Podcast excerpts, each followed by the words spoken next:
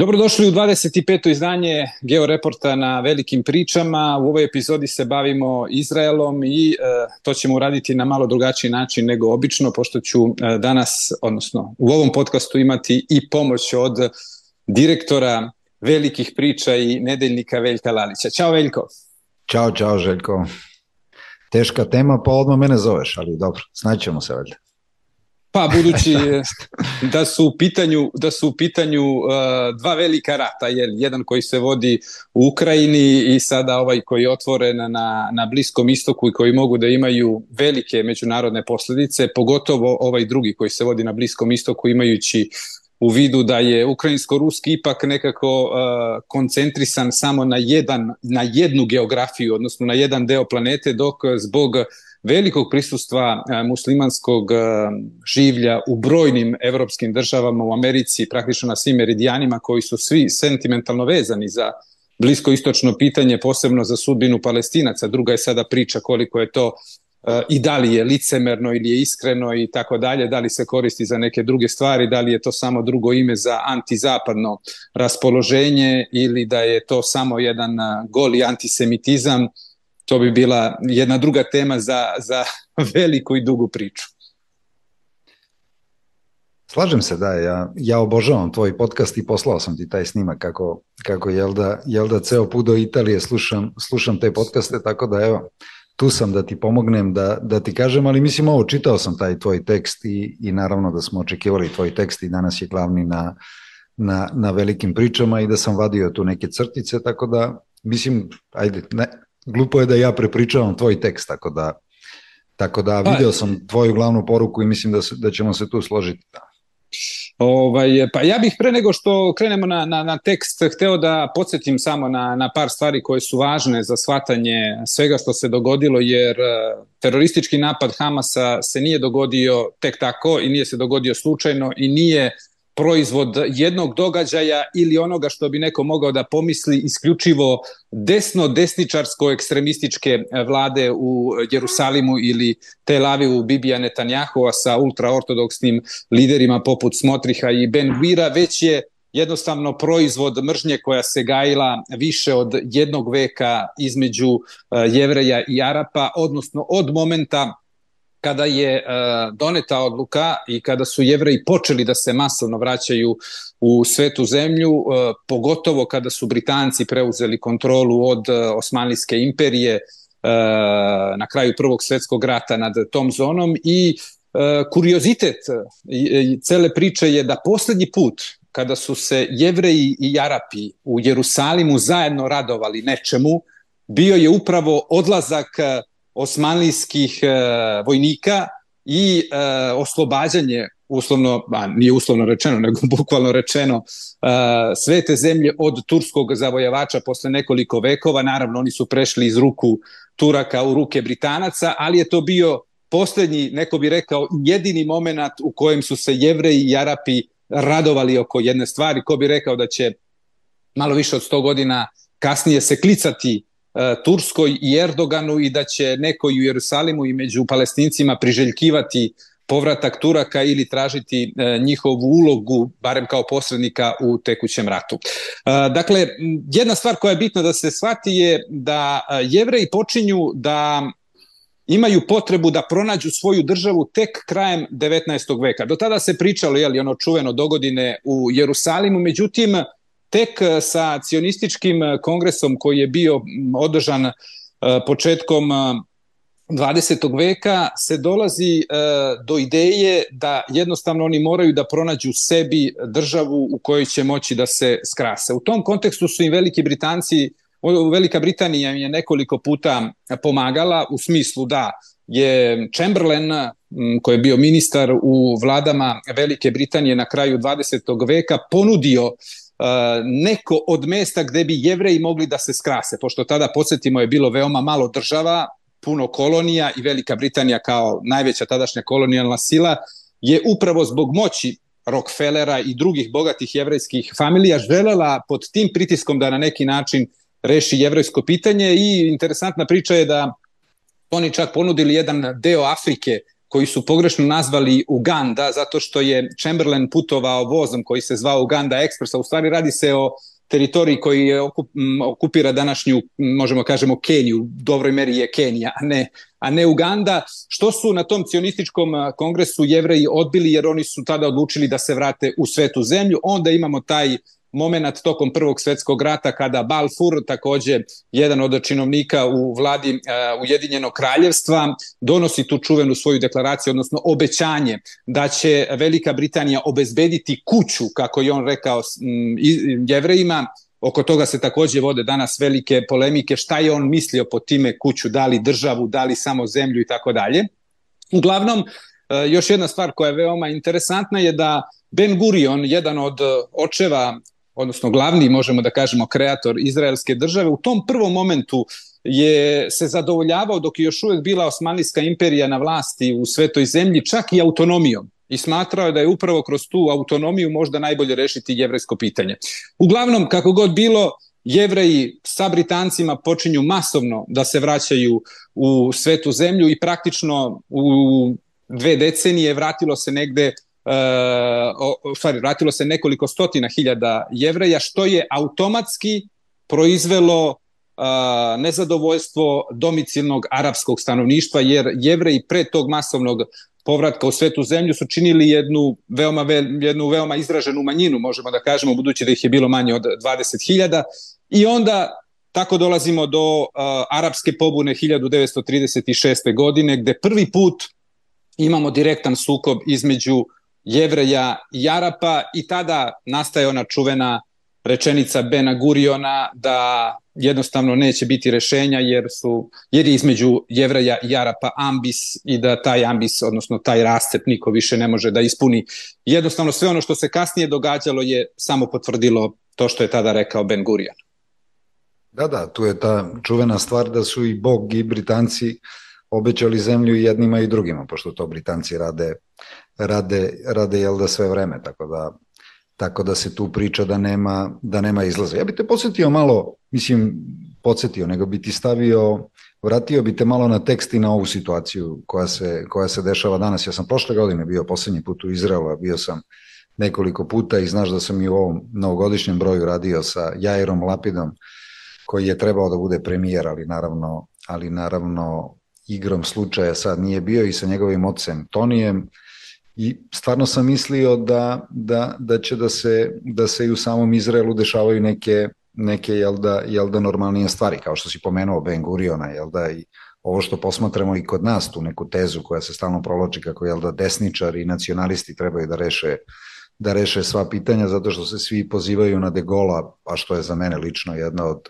jel da najvećih gluposti pošto se to redko kada i tako dešava. Uh, I sad, jel da, imamo i Ben Guriona, imamo Šimona Pereza, dakle imamo, imamo dakle, u Izraelu Pereza i Jasera Arafata, imamo situaciju u kojoj oni nisu uspeli da se dogovore, tako, to su mali, mali pomaci, a ono što sam ja već video i prošle godine u Izraelu, jel da, i što svi vidimo sa Netanjahovom, o čemu ti jako lepo pričaš u tvom tekstu, to jeste stvarno da, da, da, da imaš jednu potpuno desnu desnu jel da struju u samom, u samom Izraelu, da ne pominjem Itamara, i kao, i kao kod nas ove ljude koji, koji samo pozivaju na vojna rešenja i na vojsku, a oni nikad ne idu u vojsku, jel tako, pošto tu matricu posmatramo u, u celom svetu, dakle to je čovek koji je bio u vojsci 15 dana, kako sam negde pročitao u Špiglu i oni su ga izbacili jer je bio toliko radikalan, dakle prosto, prosto jedna neverovatna stvar. I to jeste stvar o, o kojoj pišeš kako on sada vodi te, te, te, te kako se zove, koloniste i ultraortodoksne. Tako, tako je, ali je zadužen, jel da tu smo gledali to veliko.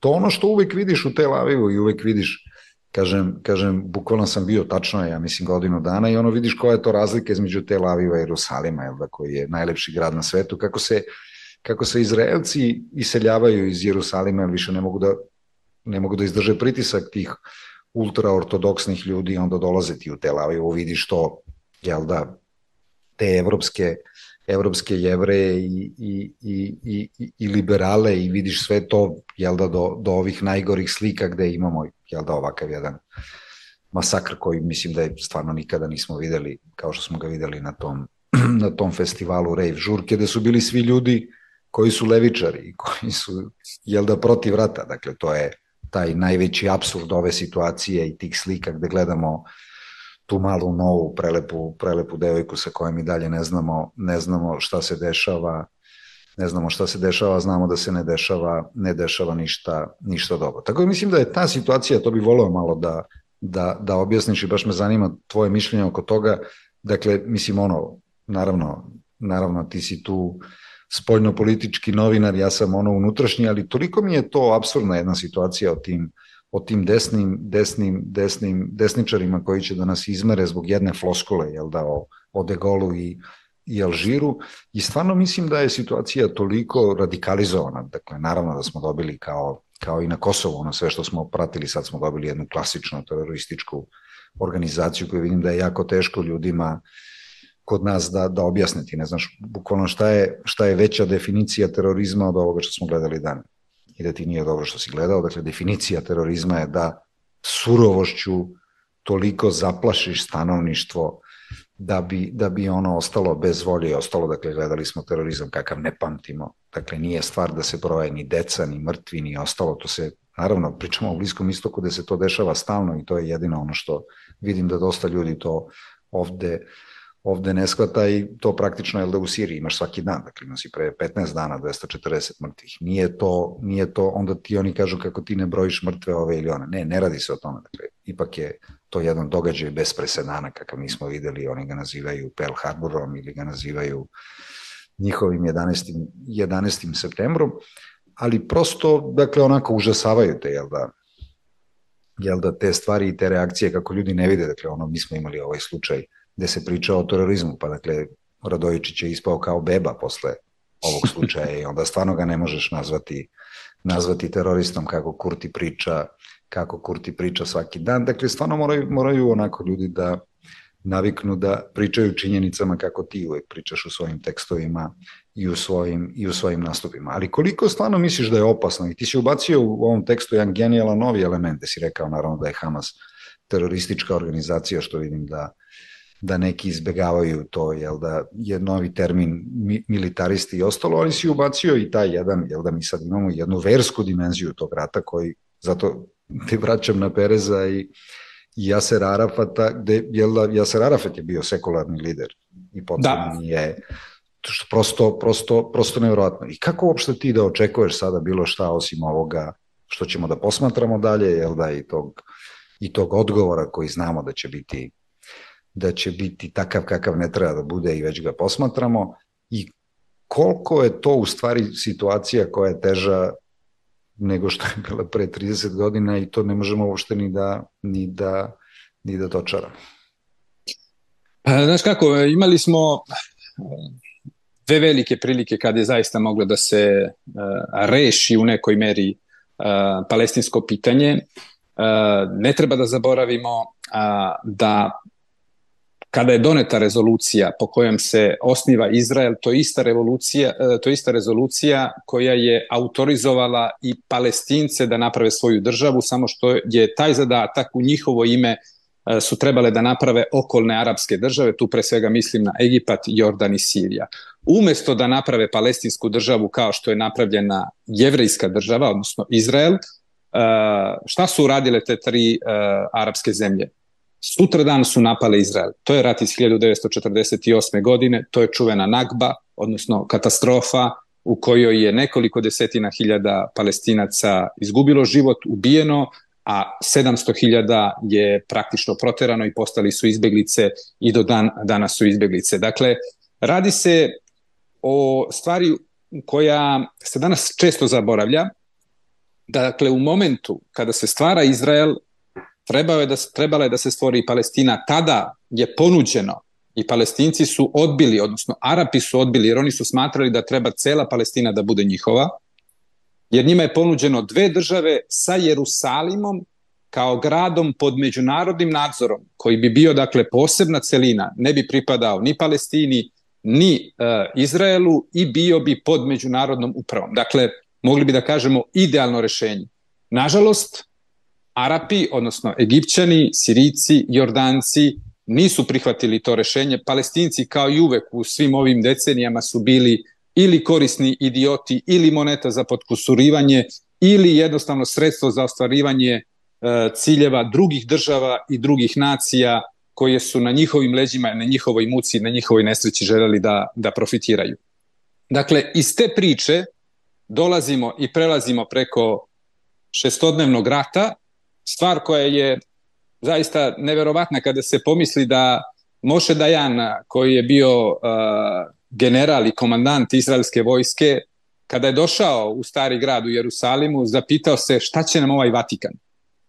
Jer uh, tadašnji, to što si malo pre rekao, jevreji, evropljani, koji su napravili jeli, Tel Aviv, gde se osjeća taj evropski duh, oni prema Jerusalimu nisu imali nikakav odnos. E, jer, primjera radi, Jerusalim praktično do šestodnevnog rata, do 67. godine, ima mnogo veći značaj za evropljane. Pogotovo u, na prelazu između 19. i 20. veka kada su se utrkivale tadašnje carevine u Evropi, Nemačka, Austro-Ugarska, Britanska, da otvore neke svoje uh, kancelarije, da utiču na to kako će se Jerusalim i šta će se događati u Jerusalimu, dok niti Arape, niti Jevreje nije to mnogo interesovalo. Mark Twain čak u jednoj svojoj putopisnoj priči opisao Jerusalim kao užasno dosadni grad u kojem nema ništa da se vidi. Dakle, to se sve događa samo nekoliko decenija pre nego što će jeli, Jerusalim postati jedan od uh, ne samo ključnih, nego i ključajućih tačaka planete. Ne propusti neverovatne akcije, na laži i neproverene informacije. Manipulacije u omotu, gratis. Laži bele domaće, tri po ceni jedne. Prazne priče više vrsta, besplatno. Ne žuri, zalihe traju. I trajaće. Čitaj ono što je važno. Pretplati se na velike priče. I da se sada vratimo na priču koja nas vodi do odgovora na tvoje pitanje. Dakle, propuštena je ta prilika 1948. godine. Zatim imamo drugu priliku koja se stvara posle Jom Kipurskog rata kada Egipćani shvataju da je Izrael činjenica i da se od te činjenice ne može pobeći i e, Sadat tu pravi veliki zaokret, naravno uz pomoć Kissingera koji je tu odigrao veoma lukavo, što se kaže sa jednim udarcem je ubio dve muve izvukao je Egipat iz zagrljaja Sovjetskog saveza, jer do Jom Kipurskog rata uh, Egipćani su bili veoma zahvalni Sovjetskom savezu, pogotovo zbog rata u Suetskom kanalu, kada ih je Sovjetski savez spasao, jer Egipćani su pobedili u tom ratu samo zato što su Rusi rekli da će upotrebiti atomsko naoružanje ukoliko se britanske i francuske trupe ne povuku i onda su Amerikanci jednostavno rekli Londonu i Parizu povlačite se, priča je završena. Dakle, mi sada tu imamo uh, sledeći element koji nas dovodi do pregovora u Camp Davidu koji rezultiraju priznavanjem uh, Izraela od strane Egipta i to je moment, nažalost, koji će posle Sadat platiti glavom jer će ga islamski fanatici ubiti upravo zbog priznavanja Izraela i zbog dogovora u Camp Davidu. Ista stvar, samo na drugoj strani se događa 15 godina kasnije, jer Jicak Rabin biva ubijen od jevrejskog teroriste, jevrejskog teroriste koji je bio pripadnik iste grupe i kojem se divio upravo današnji ministar za nacionalnu bezbednost eh, Ben Gvir. Zamislite da u Srbiji, u stvari ne možemo i zamislimo jer imamo više manje to. Nije baš isto, ali tu je negde. Da imamo ministra koji drži sliku kao što je on držao teroriste jevrejskog koji je pobio 29 muslimana, ranio 150 u jednoj džamiji, ne znam, Zvezdana Jovanovića, da drži njegov portret u svojoj sobi dnevnoj. Dakle, to je Ben Gvir, da bi imali ideju o kakvom čoveku se radi u izraelskom radi i koliko je Netanjahu zaista skrenuo u desno i sa puta. Da se mi vratimo na našu priču. Dakle, u ovom tom momentu, dakle, os, sporazumi iz Osla su bila velika prilika koja je propuštena. Ali nije ni to bila najveća prilika. Najveća prilika je ponovo u Camp Davidu, kada Bill Clinton poziva tadašnjeg premijera uh, Baraka i uh, Jasera Arafata, lidera palestinske oslobodilačke organizacije. Barak je praktično sve dao Arafatu. Dakle, i zapadnu obalu, i Gazu, i da istočni Jerusalim bude glavni grad te buduće države Palestine, zapleli su se oko dve stvari.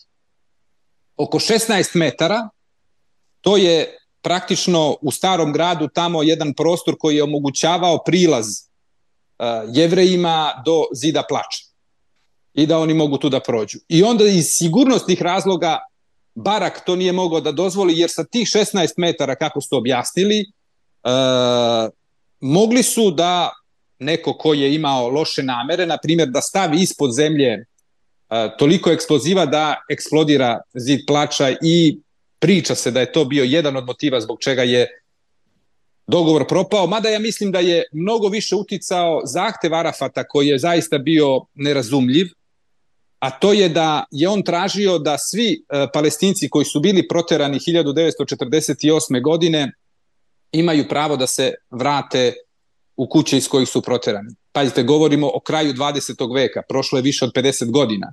Znači, i ti ljudi koji su proterani, oni su sada već u podmaklim godinama i tako dalje, situacija se kompletno promenila.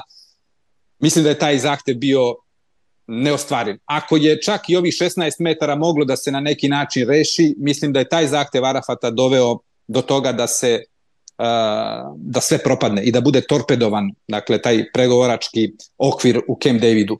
I uh, za mnoge istoričare i mnoge poznavaoce uh, izraelsko-palestinskih odnosa taj moment je bio poslednji u kojem je zaista moglo da se dođe do rešenja koje bi zadovoljilo obe strane i napravilo preduslove da se stvari odvijaju ipak malo boljim i malo optimističnijim tokom.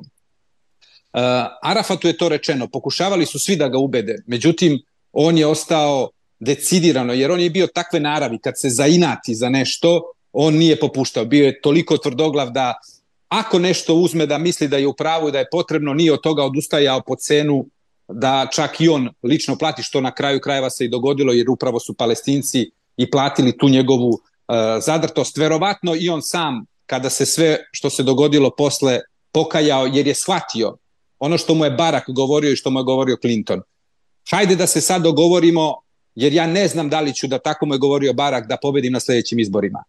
I to se upravo dogodilo. Povedio je Sharon, onda je napravio onu njegovu čuvenu šetnju po Hramovnoj gori koja je izazvala drugu intifadu i od tada imamo spiralu koja stalno nas dovodi u sve gore i gore situacije, jer tada Hamas dodatno jača u Gazi, onda imamo 2006. godine prevrat u Gazi gde praktično Hamas je pobio, što danas mnogi zaboravljaju, o kakvoj se organizaciji radi terorističkoj. Oni su pobili 200 čelnika, uglednih ljudi koji su bili deo vrha Arafatovog PLO, odnosno Palestinske oslobodilačke organizacije u Gazi. Dakle, oni su ih hladnokrvno, bez suđenja, bez ičega, bez ikakve krivice ubili. Dakle, to je jedna teroristička organizacija koja nema milosti ni prema kome, ne samo prema Izraelcima, prema jevrejima, nego prema bilo kome koga oni smatraju da im je neprijatelj.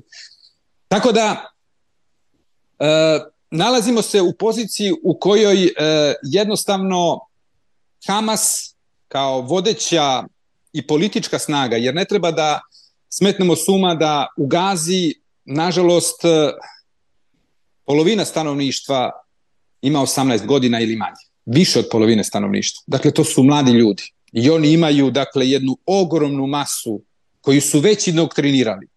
Jer te mase, mlade, one su već zadojene mržnje prema Izraelu i sasvim je i logično, Veljko, jer vidi, ako ti živiš u zatvoru pod otvorenim nebom, jer to je Gaza. Gaza je upravo to, zatvor pod otvorenim nebom. Ako ti nemaš nikakvu perspektivu, a živiš u 2023. godini gde preko interneta vidiš kakve su sve mogućnosti i šta sve može u životu da se radi i kako da se živi, tvoja frustracija, tvoj bes raste, jer nemaš posao, nemaš budućnost. Uh, gustina uh, naseljenosti u Gazi je 6000 po kvadratnom kilometru. Više od 6000. Znači, to je dva i po puta veća gustina naseljenosti nego u Beogradu. E sad zamisli da, da u Beogradu imamo duplo više stanovnika, kako bi se osjećali i da ti jednostavno si okružen sa jedne strane morem, a sa druge opasan zidovima koji su visoki po nekoliko metara. Dakle, da jednostavno ovo je pozicija u kojoj imamo onu klasičnu doktrinu brojnih ljudi koji se bave Bliskim istokom, u kojem se sve produžava, odnosno to privremeno stanje se produžava u nedogled, gde je privremenost u stvari jedina trajnost, jedina sigurnost, privremenost. I to je taj oksimoron palestinsko-izraelskih odnosa. Da, da, ja ne znam da li sam ti pričao nekada, dakle, ovaj, da, li smo, da li smo se dotakli toga. Znam jednom kad sam bio, a mislim da smo tada i zajedno radili u u, u, u, u večnim novostima. novostima i ti i ja, da. Ja sam bio u Izraelu, na primjer, to je bio neki, neki fascinantan je bio sastanak zato što smo imali neki sastanak sa šefom Osada i ono, znaš, to je onako izgledalo kako, kako oni tada prave, uzimaju ti telefone i to, to je bila neka grupa a, glavnih urednika, dakle ja sam otišao umesto manje tada. I onda se sećam da je to meni bilo fascinantno kako je on pričao kolika je brojka bombaša samoubica i sad sam je zaboravio tačno, on je rekao po našim procenama trenutno bombaša samoubica ima 514, dakle nije lako da napraviš bombaša samoubicu kako mi stalno pričamo i kako, kako gledamo. I onda je on rekao da je cela ideja da u stvari tim zidovima, je to bilo pitanje, ti onemogućiš, oni znaju da će biti na primjer 200 mislim bukvalno je pričao kao brojkama, dakle ono delovalo je, delovalo je stvarno nadrealno, kako je njihov cilj u stvari da 50% se digne, a da ovi izazovu najmanju štetu i tako dalje i tako dalje. Ja se toga setio kasnije, kada je bio ISIS, jel da, dobro, to i znamo kako je to u stvari idealno, da ih sve okupiš, da sve te manijake okupiš na jedno mesto i da, da ih, da, da, da tako rešiš taj slučaj što smo, što, što, što je neko pomislio, ali vidimo da tu ipak nema kraja i to je upravo ovo o čemu ti pričaš. Nije samo ni novac, ti si propustio ovo ili ono, ali jednostavno vidiš da, da te stvari postaju sve gore. Dakle, pričamo o muslimanskim zemljama sada, da ne prilazimo i na Iran i na Mosadeka i na, i na, i na sve to, jel da, jel da što posmatramo što posmatramo poslednjih godina. Meni, meni tu deluje, na primjer, od tog sastanka do tog, posle, ne, nisam bio deseta godina u Izraelu i stvarno sam bio šokiran sada u Tel Avivu, to je potpuno drugi grad, ja ga nisam prepoznao, to su drugačije iz tog starog grada kad gledaš, to je bukvalno je niknuo jedan, jedan, jedan novi grad, ali mislim da tu postoji nešto o čemu i znam da smo pričali, a sad sam spremao nešto nešto, nešto oko Dobrice Ćosića i, i, i sećao se tog razgovora sa njim i tog intervjua i to je sad, na primjer, to vrlo interesantno. Ja sad mislim da Izrael uopšte nije u takvoj poziciji u kakvoj priča da jeste. Mislim, tu ćemo doći i na to pitanje na koje si ti pokušao da daš odgovor kako se ovo kako se ovo sve desilo i to je takođe prirodno. Dakle, ti sad imaš tu podelu koja je u Izraelu postoji kao i kod nas. Kod nas je, jel da, primitivna i glupa na prvu, prvo srbijance i drugo srbijance, kod njih je ta podela na Izraelce i Jevreje, koja je mnogo brutalnija i ona je stvarno, nju su desničari, jel da, jel da nametnuli, ali ti imaš jednu situaciju tog života od koju smo i mi nekad imali, jel da ratnički narod, pa onda imaš sve te stvari o kojima pričaš, iz prvog svetskog rata, iz drugog svetskog rata i, i, i sva ostala, ostala junačenja, a u stvari je vojska, vojska je socijalni lifting, dakle vojska je svuda u svetu jel da, jel da je jedan veliki socijalni lifting, to je to što priča Ponoš, jel da kako ti iz malog mesta pored Knina da postaneš general i da dođeš bilo gde. I u zemljama kao što je naša nema tog socijalnog liftinga zato što je stranka socijalni lifting ili korupcija ili neka ili neka druga stvar, ali ja mislim da je dugo nema ni u Izraelu. Mi smo sad videli jel, da kad postaviš takvog čoveka koji nije služio vojsku, a najradikalnije, da oni izađu na ulice, protestuju. Izrael je demokratija, dakle, citirao si Harec koji ja čitam sada non stop, to je prosto, prosto stvarno bi trebali ljudi da odu i da pogledaju kako izgledaju ti napadi, na to je neverovatno kako piše najveći izraelski list danas protiv Netanjahova i kako, i kako piše, kako piše o svemu, o svemu normalno. Ali ja mislim da to uljuljkavanje Izraela u to, u to jel da u šestodnevni rat i u sve te pobede koje su bile, i stvarno se plašim za Izrael koji, koji jako volim tu zemlju i mislim da, da, da su Arapi jako ojačali sa jedne strane, da Iran nije to što je nekad bio sve te zemlje, naravno da posmatramo i da je to i da je to potpuno prirodno. Ovo što je Radić sada pisao kod nas u tekstu, ti više nemaš potencijal avijacije koji bi neutralisao u jednom danu iranski napad. On ne postoji. I on kaže, to je, to je brutalno. Ti samo bukvalno možeš da reaguješ tu nuklearnim oružjem. Dakle, vidimo da se, da se kao svet kao svet približavamo, ali to je ta jedna opasna stvar koju posmatramo svuda. Dakle, Amerika i Britanija, pošto su veliko klasno društvo, imaju najbolju vojsku, jer služi za socijalni lifting. I to su ljudi koji u vojsku. Nije tačno ni da ne ratuju bogataši, ne, to je jednostavno svuda, svuda tako i to je ona čuvena čuvena priča da moramo da sačekamo Kineze koliko god ih ima, jer su zemlje jedinaca i ostalo, da uopšte vidimo kako se ponašaju u nekom sukobu, to je ovo što posmatramo u Ukrajini, ali da ne širim temu, jel da nije to ta Rusija kako si, kako si mogao, mogao nešto drugo da praviš. Tako da ja mislim da na Bliskom istoku vidimo tu jednu slabost Amerike. Dakle, posledicu Trumpa, ne znam da li si video to Pensovo, Pensovu reakciju koju je napao Trumpa i i DeSantisa i da u tom republikanskom sada shvataju kako su napravili jedan, jedan, jedan, jedan potpuni haos, znamo za te odnose Bajdena i Bajdena i Netanjahova koji, koji nisu dobri, ali mislim da ono, slušamo to godinama i uvek se i ti ja smejemo kako se menja kako se menja svet, ali izgleda da stvarno počinjemo to polako da posmatramo, gledamo, gledamo jel da te proteste širom Evrope, jedino su Nemci zabranili te proteste, koji stvarno deluju suludo u trenutku kada imaš nedvosmislen i najbrutalniji, kažem, ne sećam se ovakvog terorističkog napada, ne sećaš se tih slika koje jednostavno, ja ne znam da smo mi novinari pa smo morali da ih gledamo, dakle ja sam ih stvarno, stvarno jedva, jedva, jedva gledao, ali se ne sećaš tako brutalnih stvari, onda jel da imaš po, po celoj Americi da je to normalno. U Americi ispred Bele kuće uvek protestuju jedni i drugi. Kad se pojaviš ispred Bele kuće, bit će i cionisti i, i palestinci.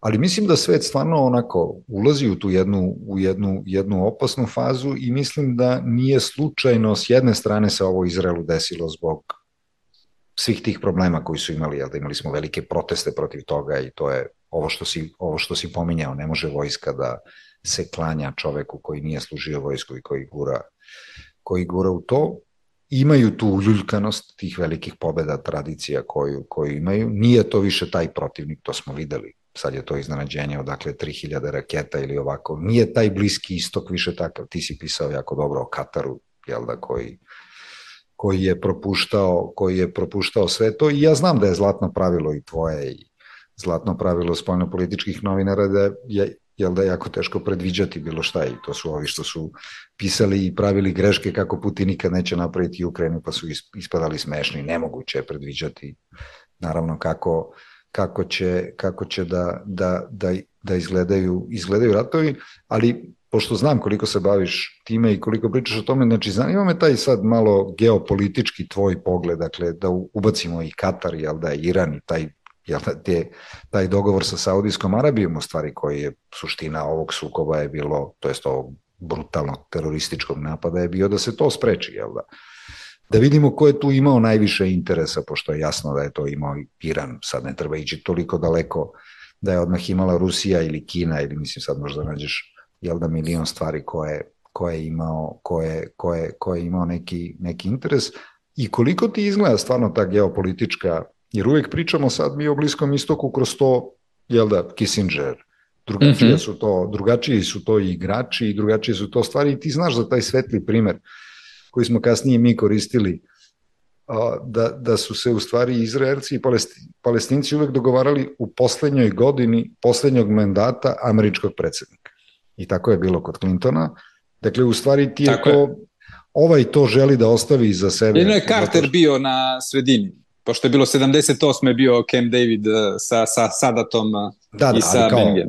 Tako ali kao posle toga je uvek bila godina. Da, da, da, posle toga, da, da, da. Uvek, a što da. ti govori da ti u stvari ne želiš da se dogovoriš. To je jako lepo da, mislim, ti si pomenuo ovaj dog, naravno da je ovo... Pa, ovo sa Barakom i Arafatom zaista Jeste. ljudi koji su bili prisutni i koji svedoče o tome, pošto sad je već prošlo puno godina, Arafat je već i mrtav i, i mnogi u stvari misle da je to zaista bila Naravno, ne znači da je Arafat pristao i da je sve to napravljeno da bi sve išlo glatko i da ne bismo imali terorizam, da ne bismo imali revizioniste i tako dalje. To apsolutno ne znači. Ali nešto bi postojalo oko čega bi mogla da se gradi nekakva politika. Problem je što mi sada uh, nemamo oko čega, to jest oni nemaju oko čega da grade politiku, zato što sa druge strane u Gazi imaju teroristički pokret, na zapadnoj obali imaju palestinsku oslobodilačku organizaciju koja bez pomoći i bez logistike Izraela ne može da ostane ni jedan dan na tim malim delovima zapadne obale gde su još na vlasti, odnosno u gradovima, i da kada bude umro Abu Mazen, verovatno, pošto će onda morati da organizuju izbore za predsednika, koji odlažu već od 2000, poslednji put su izbori za predsednika održani 2005. ili 6. godine, znači prošlo je koliko, 17 godina, 18 od, od tih izbora i još uvek i neće biti održani sve dok Abu Mazen bude bio živ. Dakle, jer On znaju... 88, da, mislim. Da, jer oni da. znaju da ako održe izbore da će da izgube i dakle tu nema nikakve sumnje i jednostavno ti sa teroristima ne možeš da pregovaraš. Tačno je da se pregovara sa neprijateljem, tačno je da se pravi mir sa neprijateljem, ali sa teroristima ne može da se pregovara. Sa teroristima ne može da se pravi mir, pogotovo sa teroristima džihadistima. Jer mi ne treba da zaboravimo, ova komponenta, jer mi smo imali terorističke pokrete u čitavoj našoj istoriji, ne samo Evrope, čitavog sveta. Ali gde je islamski terorizam različit od drugih? Zbog džihadizma. A to je ovo ritualno ubijanje, jer podsjeti se, tačno je, nije bilo ovakvih razmera, ali šta je klanje ljudi u e, prenosu, što su radili?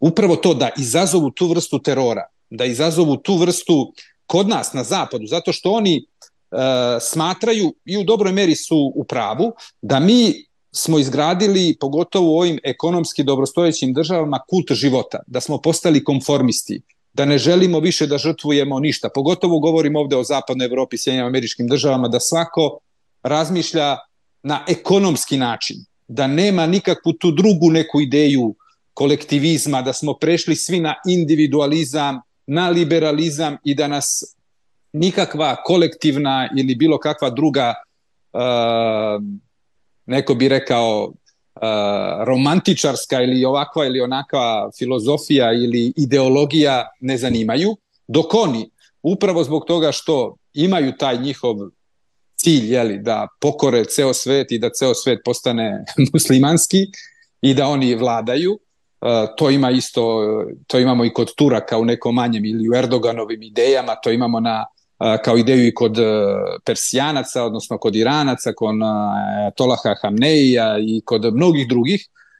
Ali problem je što uh, u samom Izraelu, da se vratim na onu priču da ti izražavaš tvoju bojaznost za budućnost Izraela, što ta podela koja je unutar Izraelaca, unutar uh, izraelskog nacionalnog bića, je veoma velika i bojim se da više ne može čak ni da se uh, premosti. Uh, na to su ukazivali i izraelski predsednici. Uh, Rivlin, uh, Rivlin je uh, imao jedan govor čuveni u kojem je upozorio da uh, mora nešto hitno da se uradi, da se ispravi ta greška koju je napravio Ben Gurion. Jer Ben Gurion, uh, kao što smo rekli malo pre, je bio apsolutno ateista i on jednako nije podnosio ortodoksne jevreje kao što nije podnosio ni uh, ekstremne muslimane i oni koji su bili uh, zadrti uh, islamski, islamski vernici. Uh, on četiri godine kad se vratio u Izrael nije otišao u Jerusalim. I kad je otišao, otišao je zbog poslovnih razloga, a ne da bi se molio uh, ispred zida plača. Dakle, on jednostavno nije imao taj odnos prema religiji, ali kada je stvaran Izrael, on je napravio jedan kompromis. A taj kompromis je bio da je ortodoksnom delu stanovništva omogućio autonomiju kada je u pitanju školstva. Dakle, sve ostalo je bilo ateističko, ali je dozvolio da ortodoksni jevreji mogu da imaju njihove škole i da njihova deca ne moraju da slede e, nastavni program koji su sledili drugi građani Izraela. I to je napravilo i otvorilo, možemo da kažemo, tu vrstu prolaza za širenje ultraortodoksnih jevreja, jer onda, tu se vraćamo na onu priču kako je religija preuzela od 70. godina sve više i više taj element u odnosima između Izraelaca, odnosno jevreja i Arapa, jer e, jevreji, odnosno deo jevrejskog političkog establishmenta, pogotovo kada dolazi desnica na vlast, vide u ultraortodoksnim jevrejima šansu da kolonizuju delove zapadne obale i da na taj način potisnu Arape i da ih praktično svode da budu tu svi u enklavama, odnosno da njihovi gradovi kao što je Ramala, kao što je Hebron, da jednostavno budu enklave u okružene jevrejskim kolonijama. A ko je hteo da ide u te kolonije? Pa samo ultraortodoksni jevreji. I nije slučajno da je Smotrih i da je Ben Gvir jedan i drugi dolaze iz takvih kolonija u zapadnim, e, na zapadnoj obali.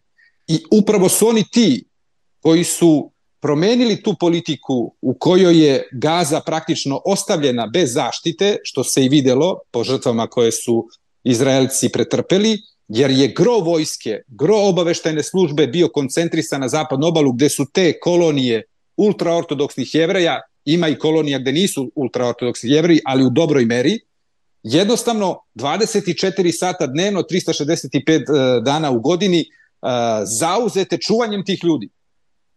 Jer oni su sve vreme pod opasnošću da budu napadnuti i pored toga što postoje zidovi oko svih tih gradova u, na zapadnoj obali. Dakle, e, i tu dakle, imamo još jednu podelu. Dakle, nije samo podela na ultraortodoksne jevreje, tu imamo i podelu na e, jevreje nacionaliste koji su i religiozni i imamo na jevreje koji su nacionalisti, a nisu religiozni i imamo ovaj deo koji je uslovno rečeno kosmopolitski, ne možemo više ni da kažemo levičarski, veliko, zato što laburisti, nažalost, sada imaju 5 ili 6% ili čak i manje e, podrške u biračkom telu, jer jednostavno laburistička partija je izgubila. Zašto se to dogodilo?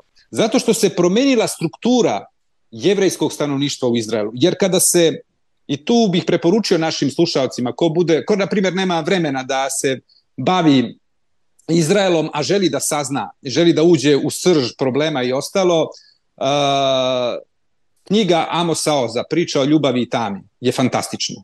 Ta knjiga, eto, za nekoga ko ništa ne zna o Izraelu je odlična da je pročitate i da shvatite kako je nastao Izrael, kako se šta odvijalo, zbog čega, kako, dakle, prateći životnu priču familije Amosa Oza, vi shvatate šta je suština Izraela.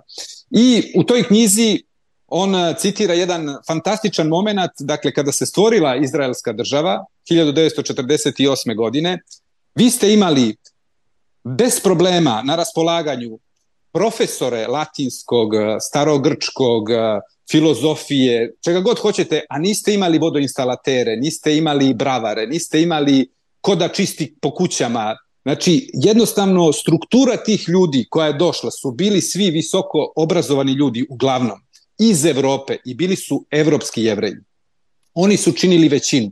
I nikakav problem nije bio sa ultraortodoksnim jevrejima, dok su oni predstavljali izrazitu manjinu, dok smo mi govorili o jednocifrenom broju. Međutim, kako se sa vremenom broj evropskih jevreja procentualno smanjivao, jer, se, jer su se u e, Izrael doseljavali jevreji iz e, Iraka, iz Pakistana, iz svih tih azijskih država, arapskih, pogotovo dakle su bili proterani ili primorani da, da napuste. Zatim povratak iz Amerike, odakle su došli dobar deo upravo tih ultraortodoksnih ili nacionalističkih orijentisanih jevreja. Netanjako je došao iz Amerike, njegov otac je jeste da je poreklom Poljak, ali je Bibi rođen u Americi i on je odrastao u Americi i pripada dakle, američkom, da tako kažem, među znaka navoda soja jevreja. I onda su oni jednostavno promenili tu strukturu stanovništva. I evropski jevreji su postali manjina. Još uvek su oni predstavlja oko 38% jevrejskog stanovništva, dakle relativna su većina još uvek, međutim pošto oni prave malo dece, imaju malo dece, jedno, najviše dvoje, dok ultraortodoksni jevreji koji su sada došli do 20%, njih je dakle 20%, et, eto zašto ne može da se formira gotovo ni jedna vlada u Izraelu bez njihovih e, predstavnika, jer jednostavno je potrebno ili da Likud uđe u koaliciju sa, ne znam, sa Gancom ili sa, uh, sa drugim, uslovno rečeno, kosmopolitskim jevrejskim partijama, što njemu naravno ne pada na pamet, jer bi to značilo da bi onda morao da se podvrgne sudskim procesima gde rizikuje da završi u zatvoru i zato on pravi saveze i pravi koalicije sa ultraortodoksnim partijama da bi se spasao zatvora. I sada tu dolazimo do priče o uh, geopolitičkoj poziciji uh, Izraela, jer je Netanjahu tu imao zaista jednu, možemo da kažemo, vizionarsku ideju koja je bila dobra u suštini. I on je nju plasirao preko Donalda Trumpa. A to je da se Izrael, da stavi po stranu rešavanje odnosa sa palestincima, a da se koncentriše na rešavanje odnosa sa okolnim arapskim zemljama. Šta je tu bio, da tako kažemo, zajednički imenitelj u toj politici? Iran. Jer Iran nije samo neprijatelj Izraela. Iran je neprijatelj svih okolnih arapskih zemalja. Pogotovo one koje imaju monarhističko uređenje, zbog toga što je Islam, odnosno Iran, Islamska republika. Iako oni imaju praktično jeli kralja, jer šta je drugo Hamne ili šta je bio Homeini nego kralj. Jer kad izaberete vrhovnog vođu doživotno, to što imate predsednika, to što imate vladu je eto, služi samo kao paravan, jer na kraju bude onako kako odluči vrhovni vođa. Ali svejedno, Uh, oni žele jeli da svrgnu, odnosno da se i taj vrhovni vođa bira, jer tu opet dolazimo do onoga da se ne mogu nasleđivati titule, mada sada, na primjer, jeli, Ali Hamnei sprema svog sina da ga nasledi. Vidjet ćemo da li će u tome uspeti. I dakle, Iran je dakle ta stvar koja vezuje katalizator tog na prvi pogled nemogućeg savezništva Izraela sa Saudijskom Arabijom i ostalim petromonarhijama iz, iz zaliva. To je imalo veliki uspeh zato što uh, Bin Zayed u Ujedinjenim Arapskim Emiratima i Muhammed Bin Salman su predstavnici nove generacije političara, odnosno članova kraljevskih familija, koji žele da modernizuju svoje zemlje, koji žele da ishvataju da region mora da postane stabilan, da bi oni mogli da naprave iskorak i da njihove privrede mogu da prežive moment kada će ostati bez gasa i bez nafte. I oni su toga svesni i zato shvataju da je potrebno stvoriti ambijent u kojem će oni moći privredno da napreduju, a to ne može da bude ambijent regiona u kojem stalno preti atomski rat, nekakva pobuna, sukob između Izraela ovih ili onih i s druge strane Iran, koji je za sve njih crvena marama od 1979. godine.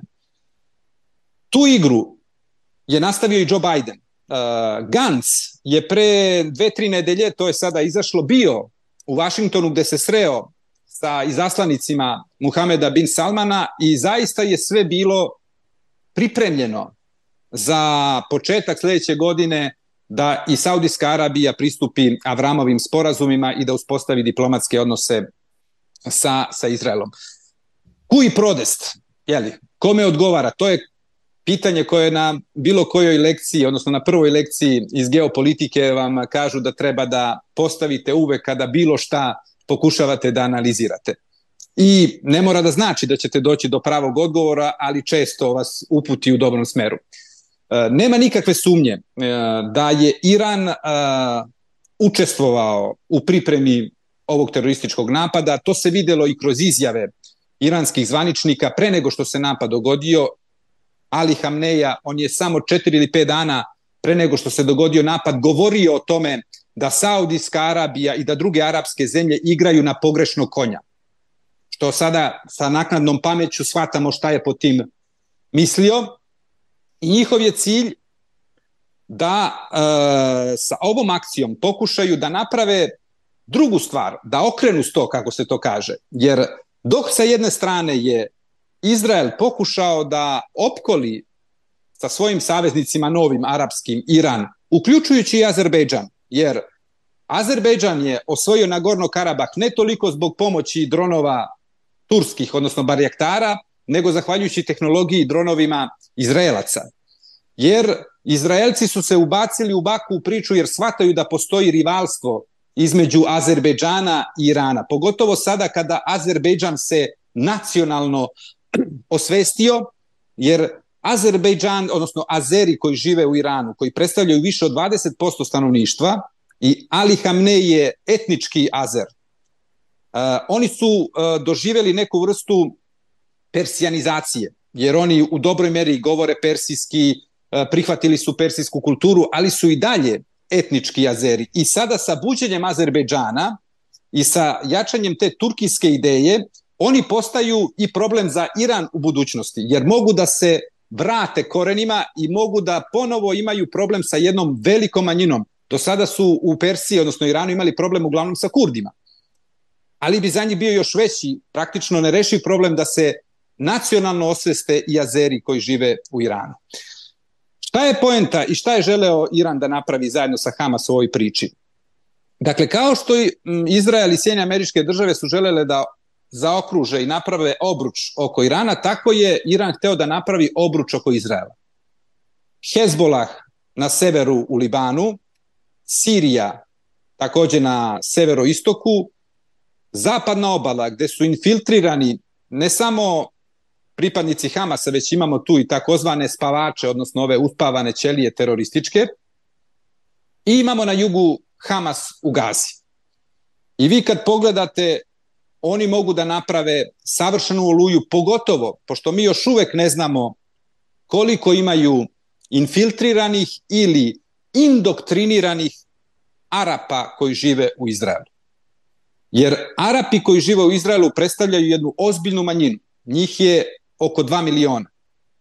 Oni su do sada bili, možemo da kažemo, prilično neutralni. Ne možemo da kažemo da su bili lojalni izraelskoj državi. Oni upravo zato što su Arapi ne služe vojsku i ne mogu da obavljaju bilo koju bezbednostnu važnu funkciju u državi Izraelu. Dakle, u jednu ruku su i građani drugog reda, možemo da kažemo, nažalost, i to je jedna od mana izraelske demokratije, jer u ovih 75 godina nisu uspeli da inkorporiraju to arapsko stanovništvo i nisu uspeli da stvore jeli, tu izraelsku naciju. Zato i postoji ta priča između Izraelaca i Jevreja koju je lansirao Artur Finkelstein, jedan od čuvenih spin doktora koji je umro 2017. godine i koji je bio kreator pobede jeli, Nixona, zatim i čuvene pobede Netanjahua nad Šimonom Peresom tokom 90. godina koja predstavlja jedno od najvećih iznenađenja koje su se dogodila kada su u pitanju e, izbori u bilo kojoj zemlji na, na planeti.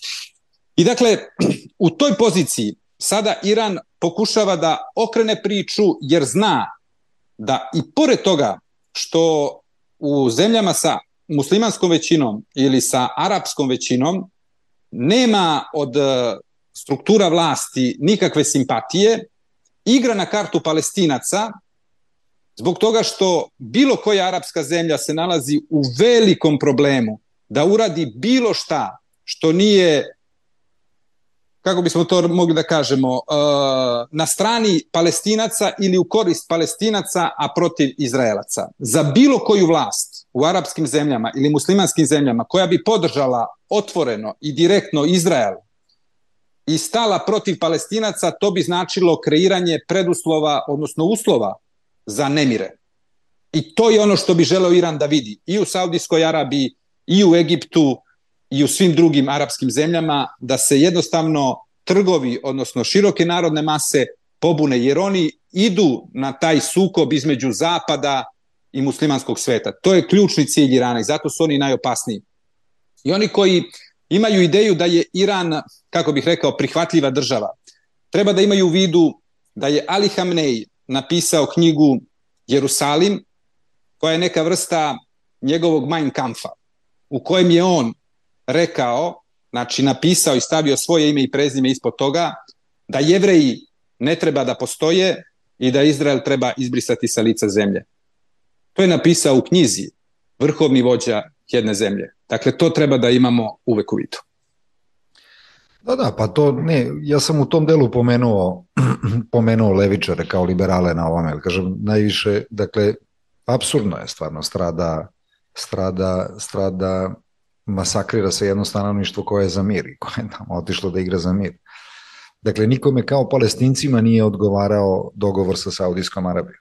Dakle, to je bio put kako bi Gaza eventualno izašla, jer Saudijska Arabija je tražila samo to. To posmatramo, jel da mi 30 godina ovde, da ljudi koji brane, jel da Srbe od Knina do Kosova nisu ljudi koji to rade, to rade za, jel da, jel da svoje džepove i uvek ti bude mnogo gore iza toga kad te oni brane.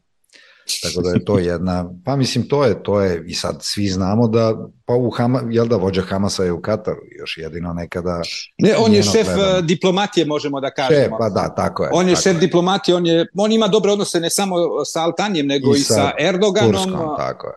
Tako da ali, on između... ali video si te snimke, dakle oni likuju, gledaju te slike, dakle to stvarno deluje nadrealno, mislim, uopšte kako, kako, ti, kako ti napraviš takve stvari. Ja sam gledao sad, ne znam koje ime, ne znam da li si gledao kod Faride Zakarije, tog palestinca koji je naravno držao, držao palestinsku stvari i pričao samo o tome, kasnije ga je, pogledaj posle, to je, to je genijalan, mm -hmm. genijalan je bio, bio prilog na CNN-u, ali to je, ti ljudi su najveće žrtve, dakle, to je prosto, prosto neverovatno i naravno da to da to posmatramo da to posmatramo kroz istoriju i da je ovo sad taj događaj, jel da kao niko više ne pominje Ukrajinu, ne znam da li si primetio, dakle, nema slova u Ukrajini, da je prestao rat u Ukrajini i to je bilo kao kao sa koronom. Kada je krenuo e, samo da ne zaboravim, da ti kažem nešto, ovaj, ljudi mnogi misle, um, imaju pogrešnu ideju o Rusiji. Uh, Rusiji odgovara da se skloni dakle sa prvih strana i da rat u Ukrajini ne bude u fokusu. Ali Rusiji nikako ne odgovara da se sukob proširi. Ne, jer to onda Rusiju dovodi u veoma nezgodnu poziciju jer se onda ljulja vlast Bašaru el Asadu u Damasku, u Siriji, a njima je Sirija potrebna jer je to jedina zemlja gde imaju dve uh, luke na Mediteranskom moru gde se nalaze dve pomorske baze, to je za njih fundamentalno važno. I s druge strane, Rusi ipak sa uh, jevrejima imaju tu neku vrstu odnosa koja je, kako bih rekao, dvolična. I sa palestincima i sa izraelcima, jer uh, pre par godina Putin se nalazio u savršenoj poziciji. I to pokazuje koliko je on napravio velike greške. Jer e, kada je bila kriza, kad je to bilo ono 2017-18. godine, u jednom momentu Putin je bio jedini čovek koji je mogao da priča sa svim akterima i kome su se svi javljali na telefon. Od, ne znam, El Asada u Siriji do Netanjahua u Tel Avivu, lidera Hamasa u Gazi, e, predsjednika, odnosno Ali Hamneija u Teheranu, Erdogana u Turskoj. I Donalda Trumpa u Vašingtonu, da i on je to prokockao. Tako da je to jedna, i to je pokazatelj koliko je Rusija napravila veliku, veliku grešku sa invazijom na Ukrajinu. Izvini što sam te prekinuo.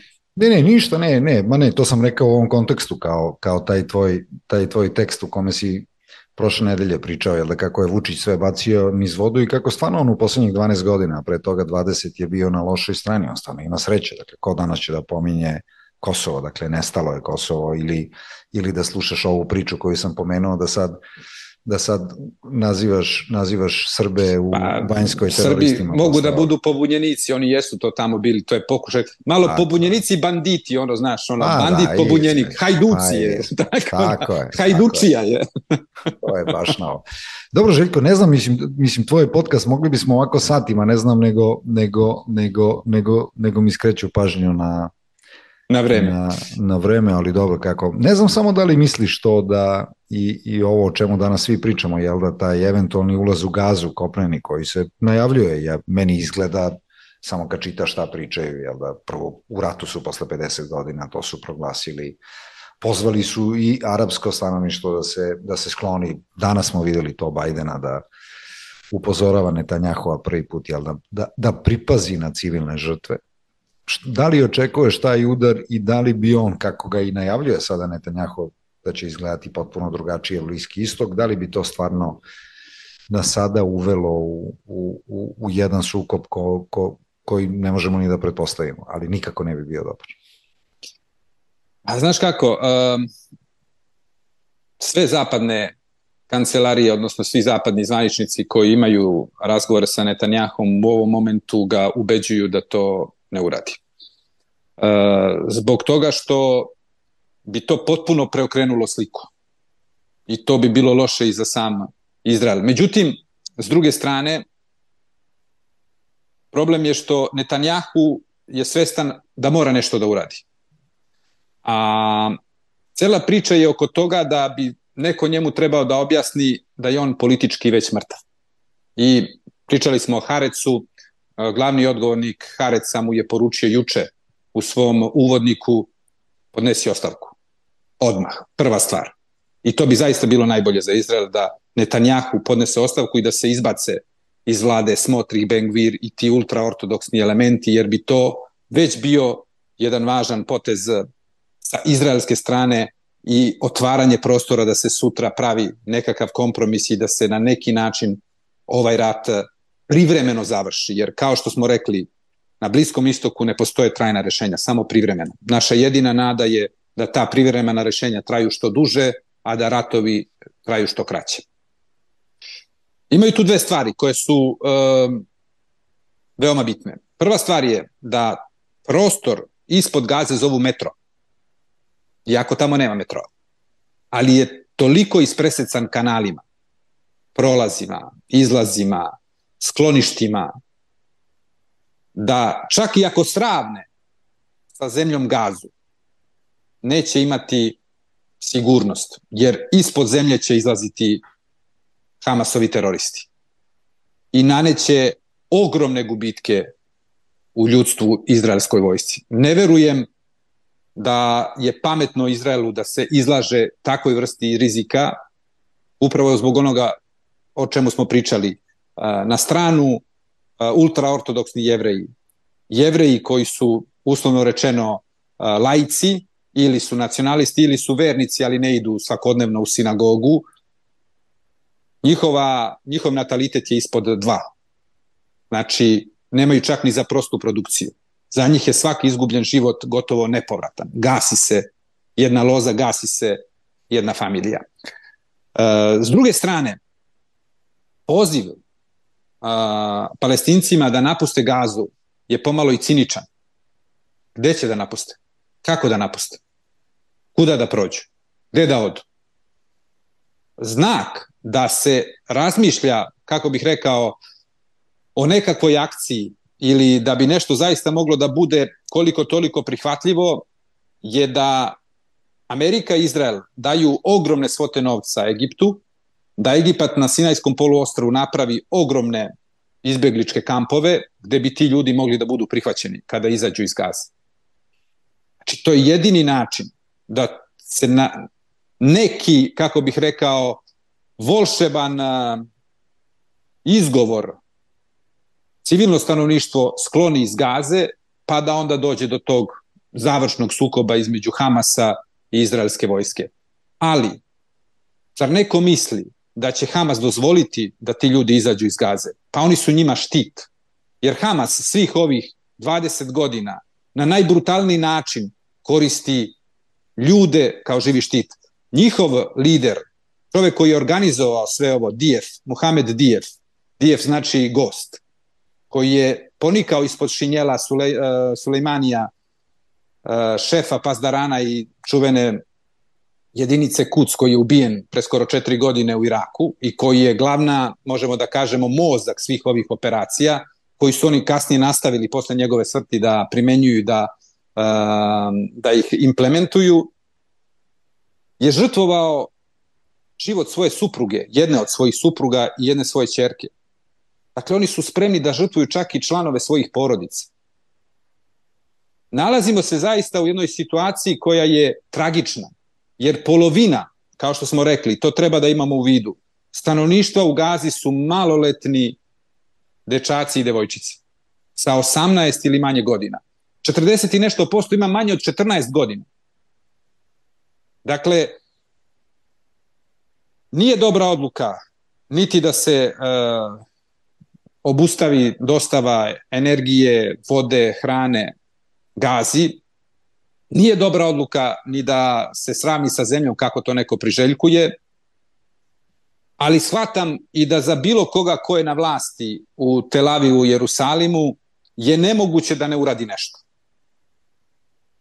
Pa da, da, nego video si, jer su dva narativa. Jedan je Pearl Harbor, drugi je 11. septembar. Znači 11. septembar je potpuna okupacija ulazak u Afganistan, pa onda usput i u Irak, jel da?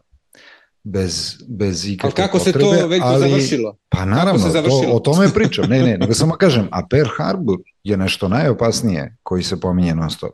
Jer kako se on završio? On se završava nuklearnom Atomskim bombom. bombama. Tako pa da, ali ako baciš nuklearnu bombu u gazu, ostanu pa ne, da, ne, ne, naravno. to je previše naravno. blizu da bi... Da, da, pa ne, Atomska zato... bomba je za, za Iran. Ako negde Jeste, bude pukla, pa ne, ne. će u Iranu. Tako, tako je. Ne, zato se priča kao Pearl Harbor i ako sad svi uđu unutra, nego samo kažem koliko se nalazimo u opasnom trenutku i ali dobro, bliski istok je tako da, tako da sve možemo da očekujemo. Jel? Pa, znaš kako, stvar je u tome što uh, vrlo je bitno uh, da postoji koordinacija između Vašingtona i uh, Tel Aviva, jer posledice onoga što bude radio Izrael u Gazi će osjećati zapadni deo sveta. Jer ako budemo imali masakre, ako budemo imali etničko čišćenje, ako budemo imali uh, zločine sa uh, izraelske strane, platit ćemo svi cenu. I mi na zapadu, u zapadnoj Evropi, u Evropi, u Americi, svuda, znači gde postoje demokratsko-liberalni sistemi, gde žive jevreji, jer već sada biti jevrejin bilo gde na zemaljskoj kugli nije više sigurno. Zato što vi muslimana imate svuda, većina njih su dobri ljudi, pošteni, radni, izuzetni ljudi, ali postoji ta njihova manjina koja je nažalost spremna na sve. I to su oni koje vidimo, jer isto to treba da imamo u vidu. Kada vidite proteste, ne znam, u Italiji, u Francuskoj, u Nemačkoj, Švedskoj, u Velikoj Britaniji, imajte u vidu broj koliko ima muslimana u tim zemljama i shvatit ćete da te ljude koje vidite na ulici su jedna ogromna manjina. I zato ne treba generalizovati, jer zaista među ljudima koji su arapske nacionalnosti, među ljudima koji su uh, verski opredeljeni kao muslimani i tako dalje, ima mnogo, mnogo više dobrih ljudi nego loših. Na sreću. Jer da je drugačije, već sveta ne bi bilo. Da, da, zato smo žrtve stalno ovih ljudi koji Pa uvek manjine. Savaju, da, da, nego koji žive kao paraziti od toga što nas štite i isisavaju nam krv štiteći nas. Dakle, to, i mi to vrlo dobro znamo na svojoj koži. Ne znam ko treba da kaže hvala ti i to, Željko sad. Pa ja ću da, da, da kažem ja. Iako ti držiš komadne palice. Da, Tako da, da je, pa ja sam ovde, desu, da. ja sam kao tvoj avatar. Je. Ne, ne, ti si rekao deset puta mi na zapadu i ja te slušam da. sad, dobro, ti si na zapadu. Znam pa i Srbija je na zapadu. Bio Znaš sam kako? tu kod tebe. Ja često citiram ovaj Đanija de Michelisa. Da I to, i to ovaj, mislim da važi za sve ove koji bi Srbiju da, da premeštaju negde. Vi možete da promenite istoriju Srbije, ali ne možete njenu geografiju. A onog momenta kada su Bugarska i Rumunija ušle u NATO i postao Evropsku uniju, ali ne toliko u Evropsku uniju koliko u NATO, Srbija je definitivno na zapadu. Tako da dok se ne budu uh, presložile ponovo kocke na globalnom planu, Srbija ostaje na zapadu, a to sigurno neće biti za naših života. Slažem se, samo imaš onaj pasoš na Batrovcima, ali da ne širimo tu temu. treba će i meni, ja dođem do tebe, tebi ne treba da dođeš ovde ništa osim lično. Ne, ne, nema, nema to, ta priča o vizama, nije, nismo došli do toga da, da rizikujemo da nam uvedu vize. To je, to je spin.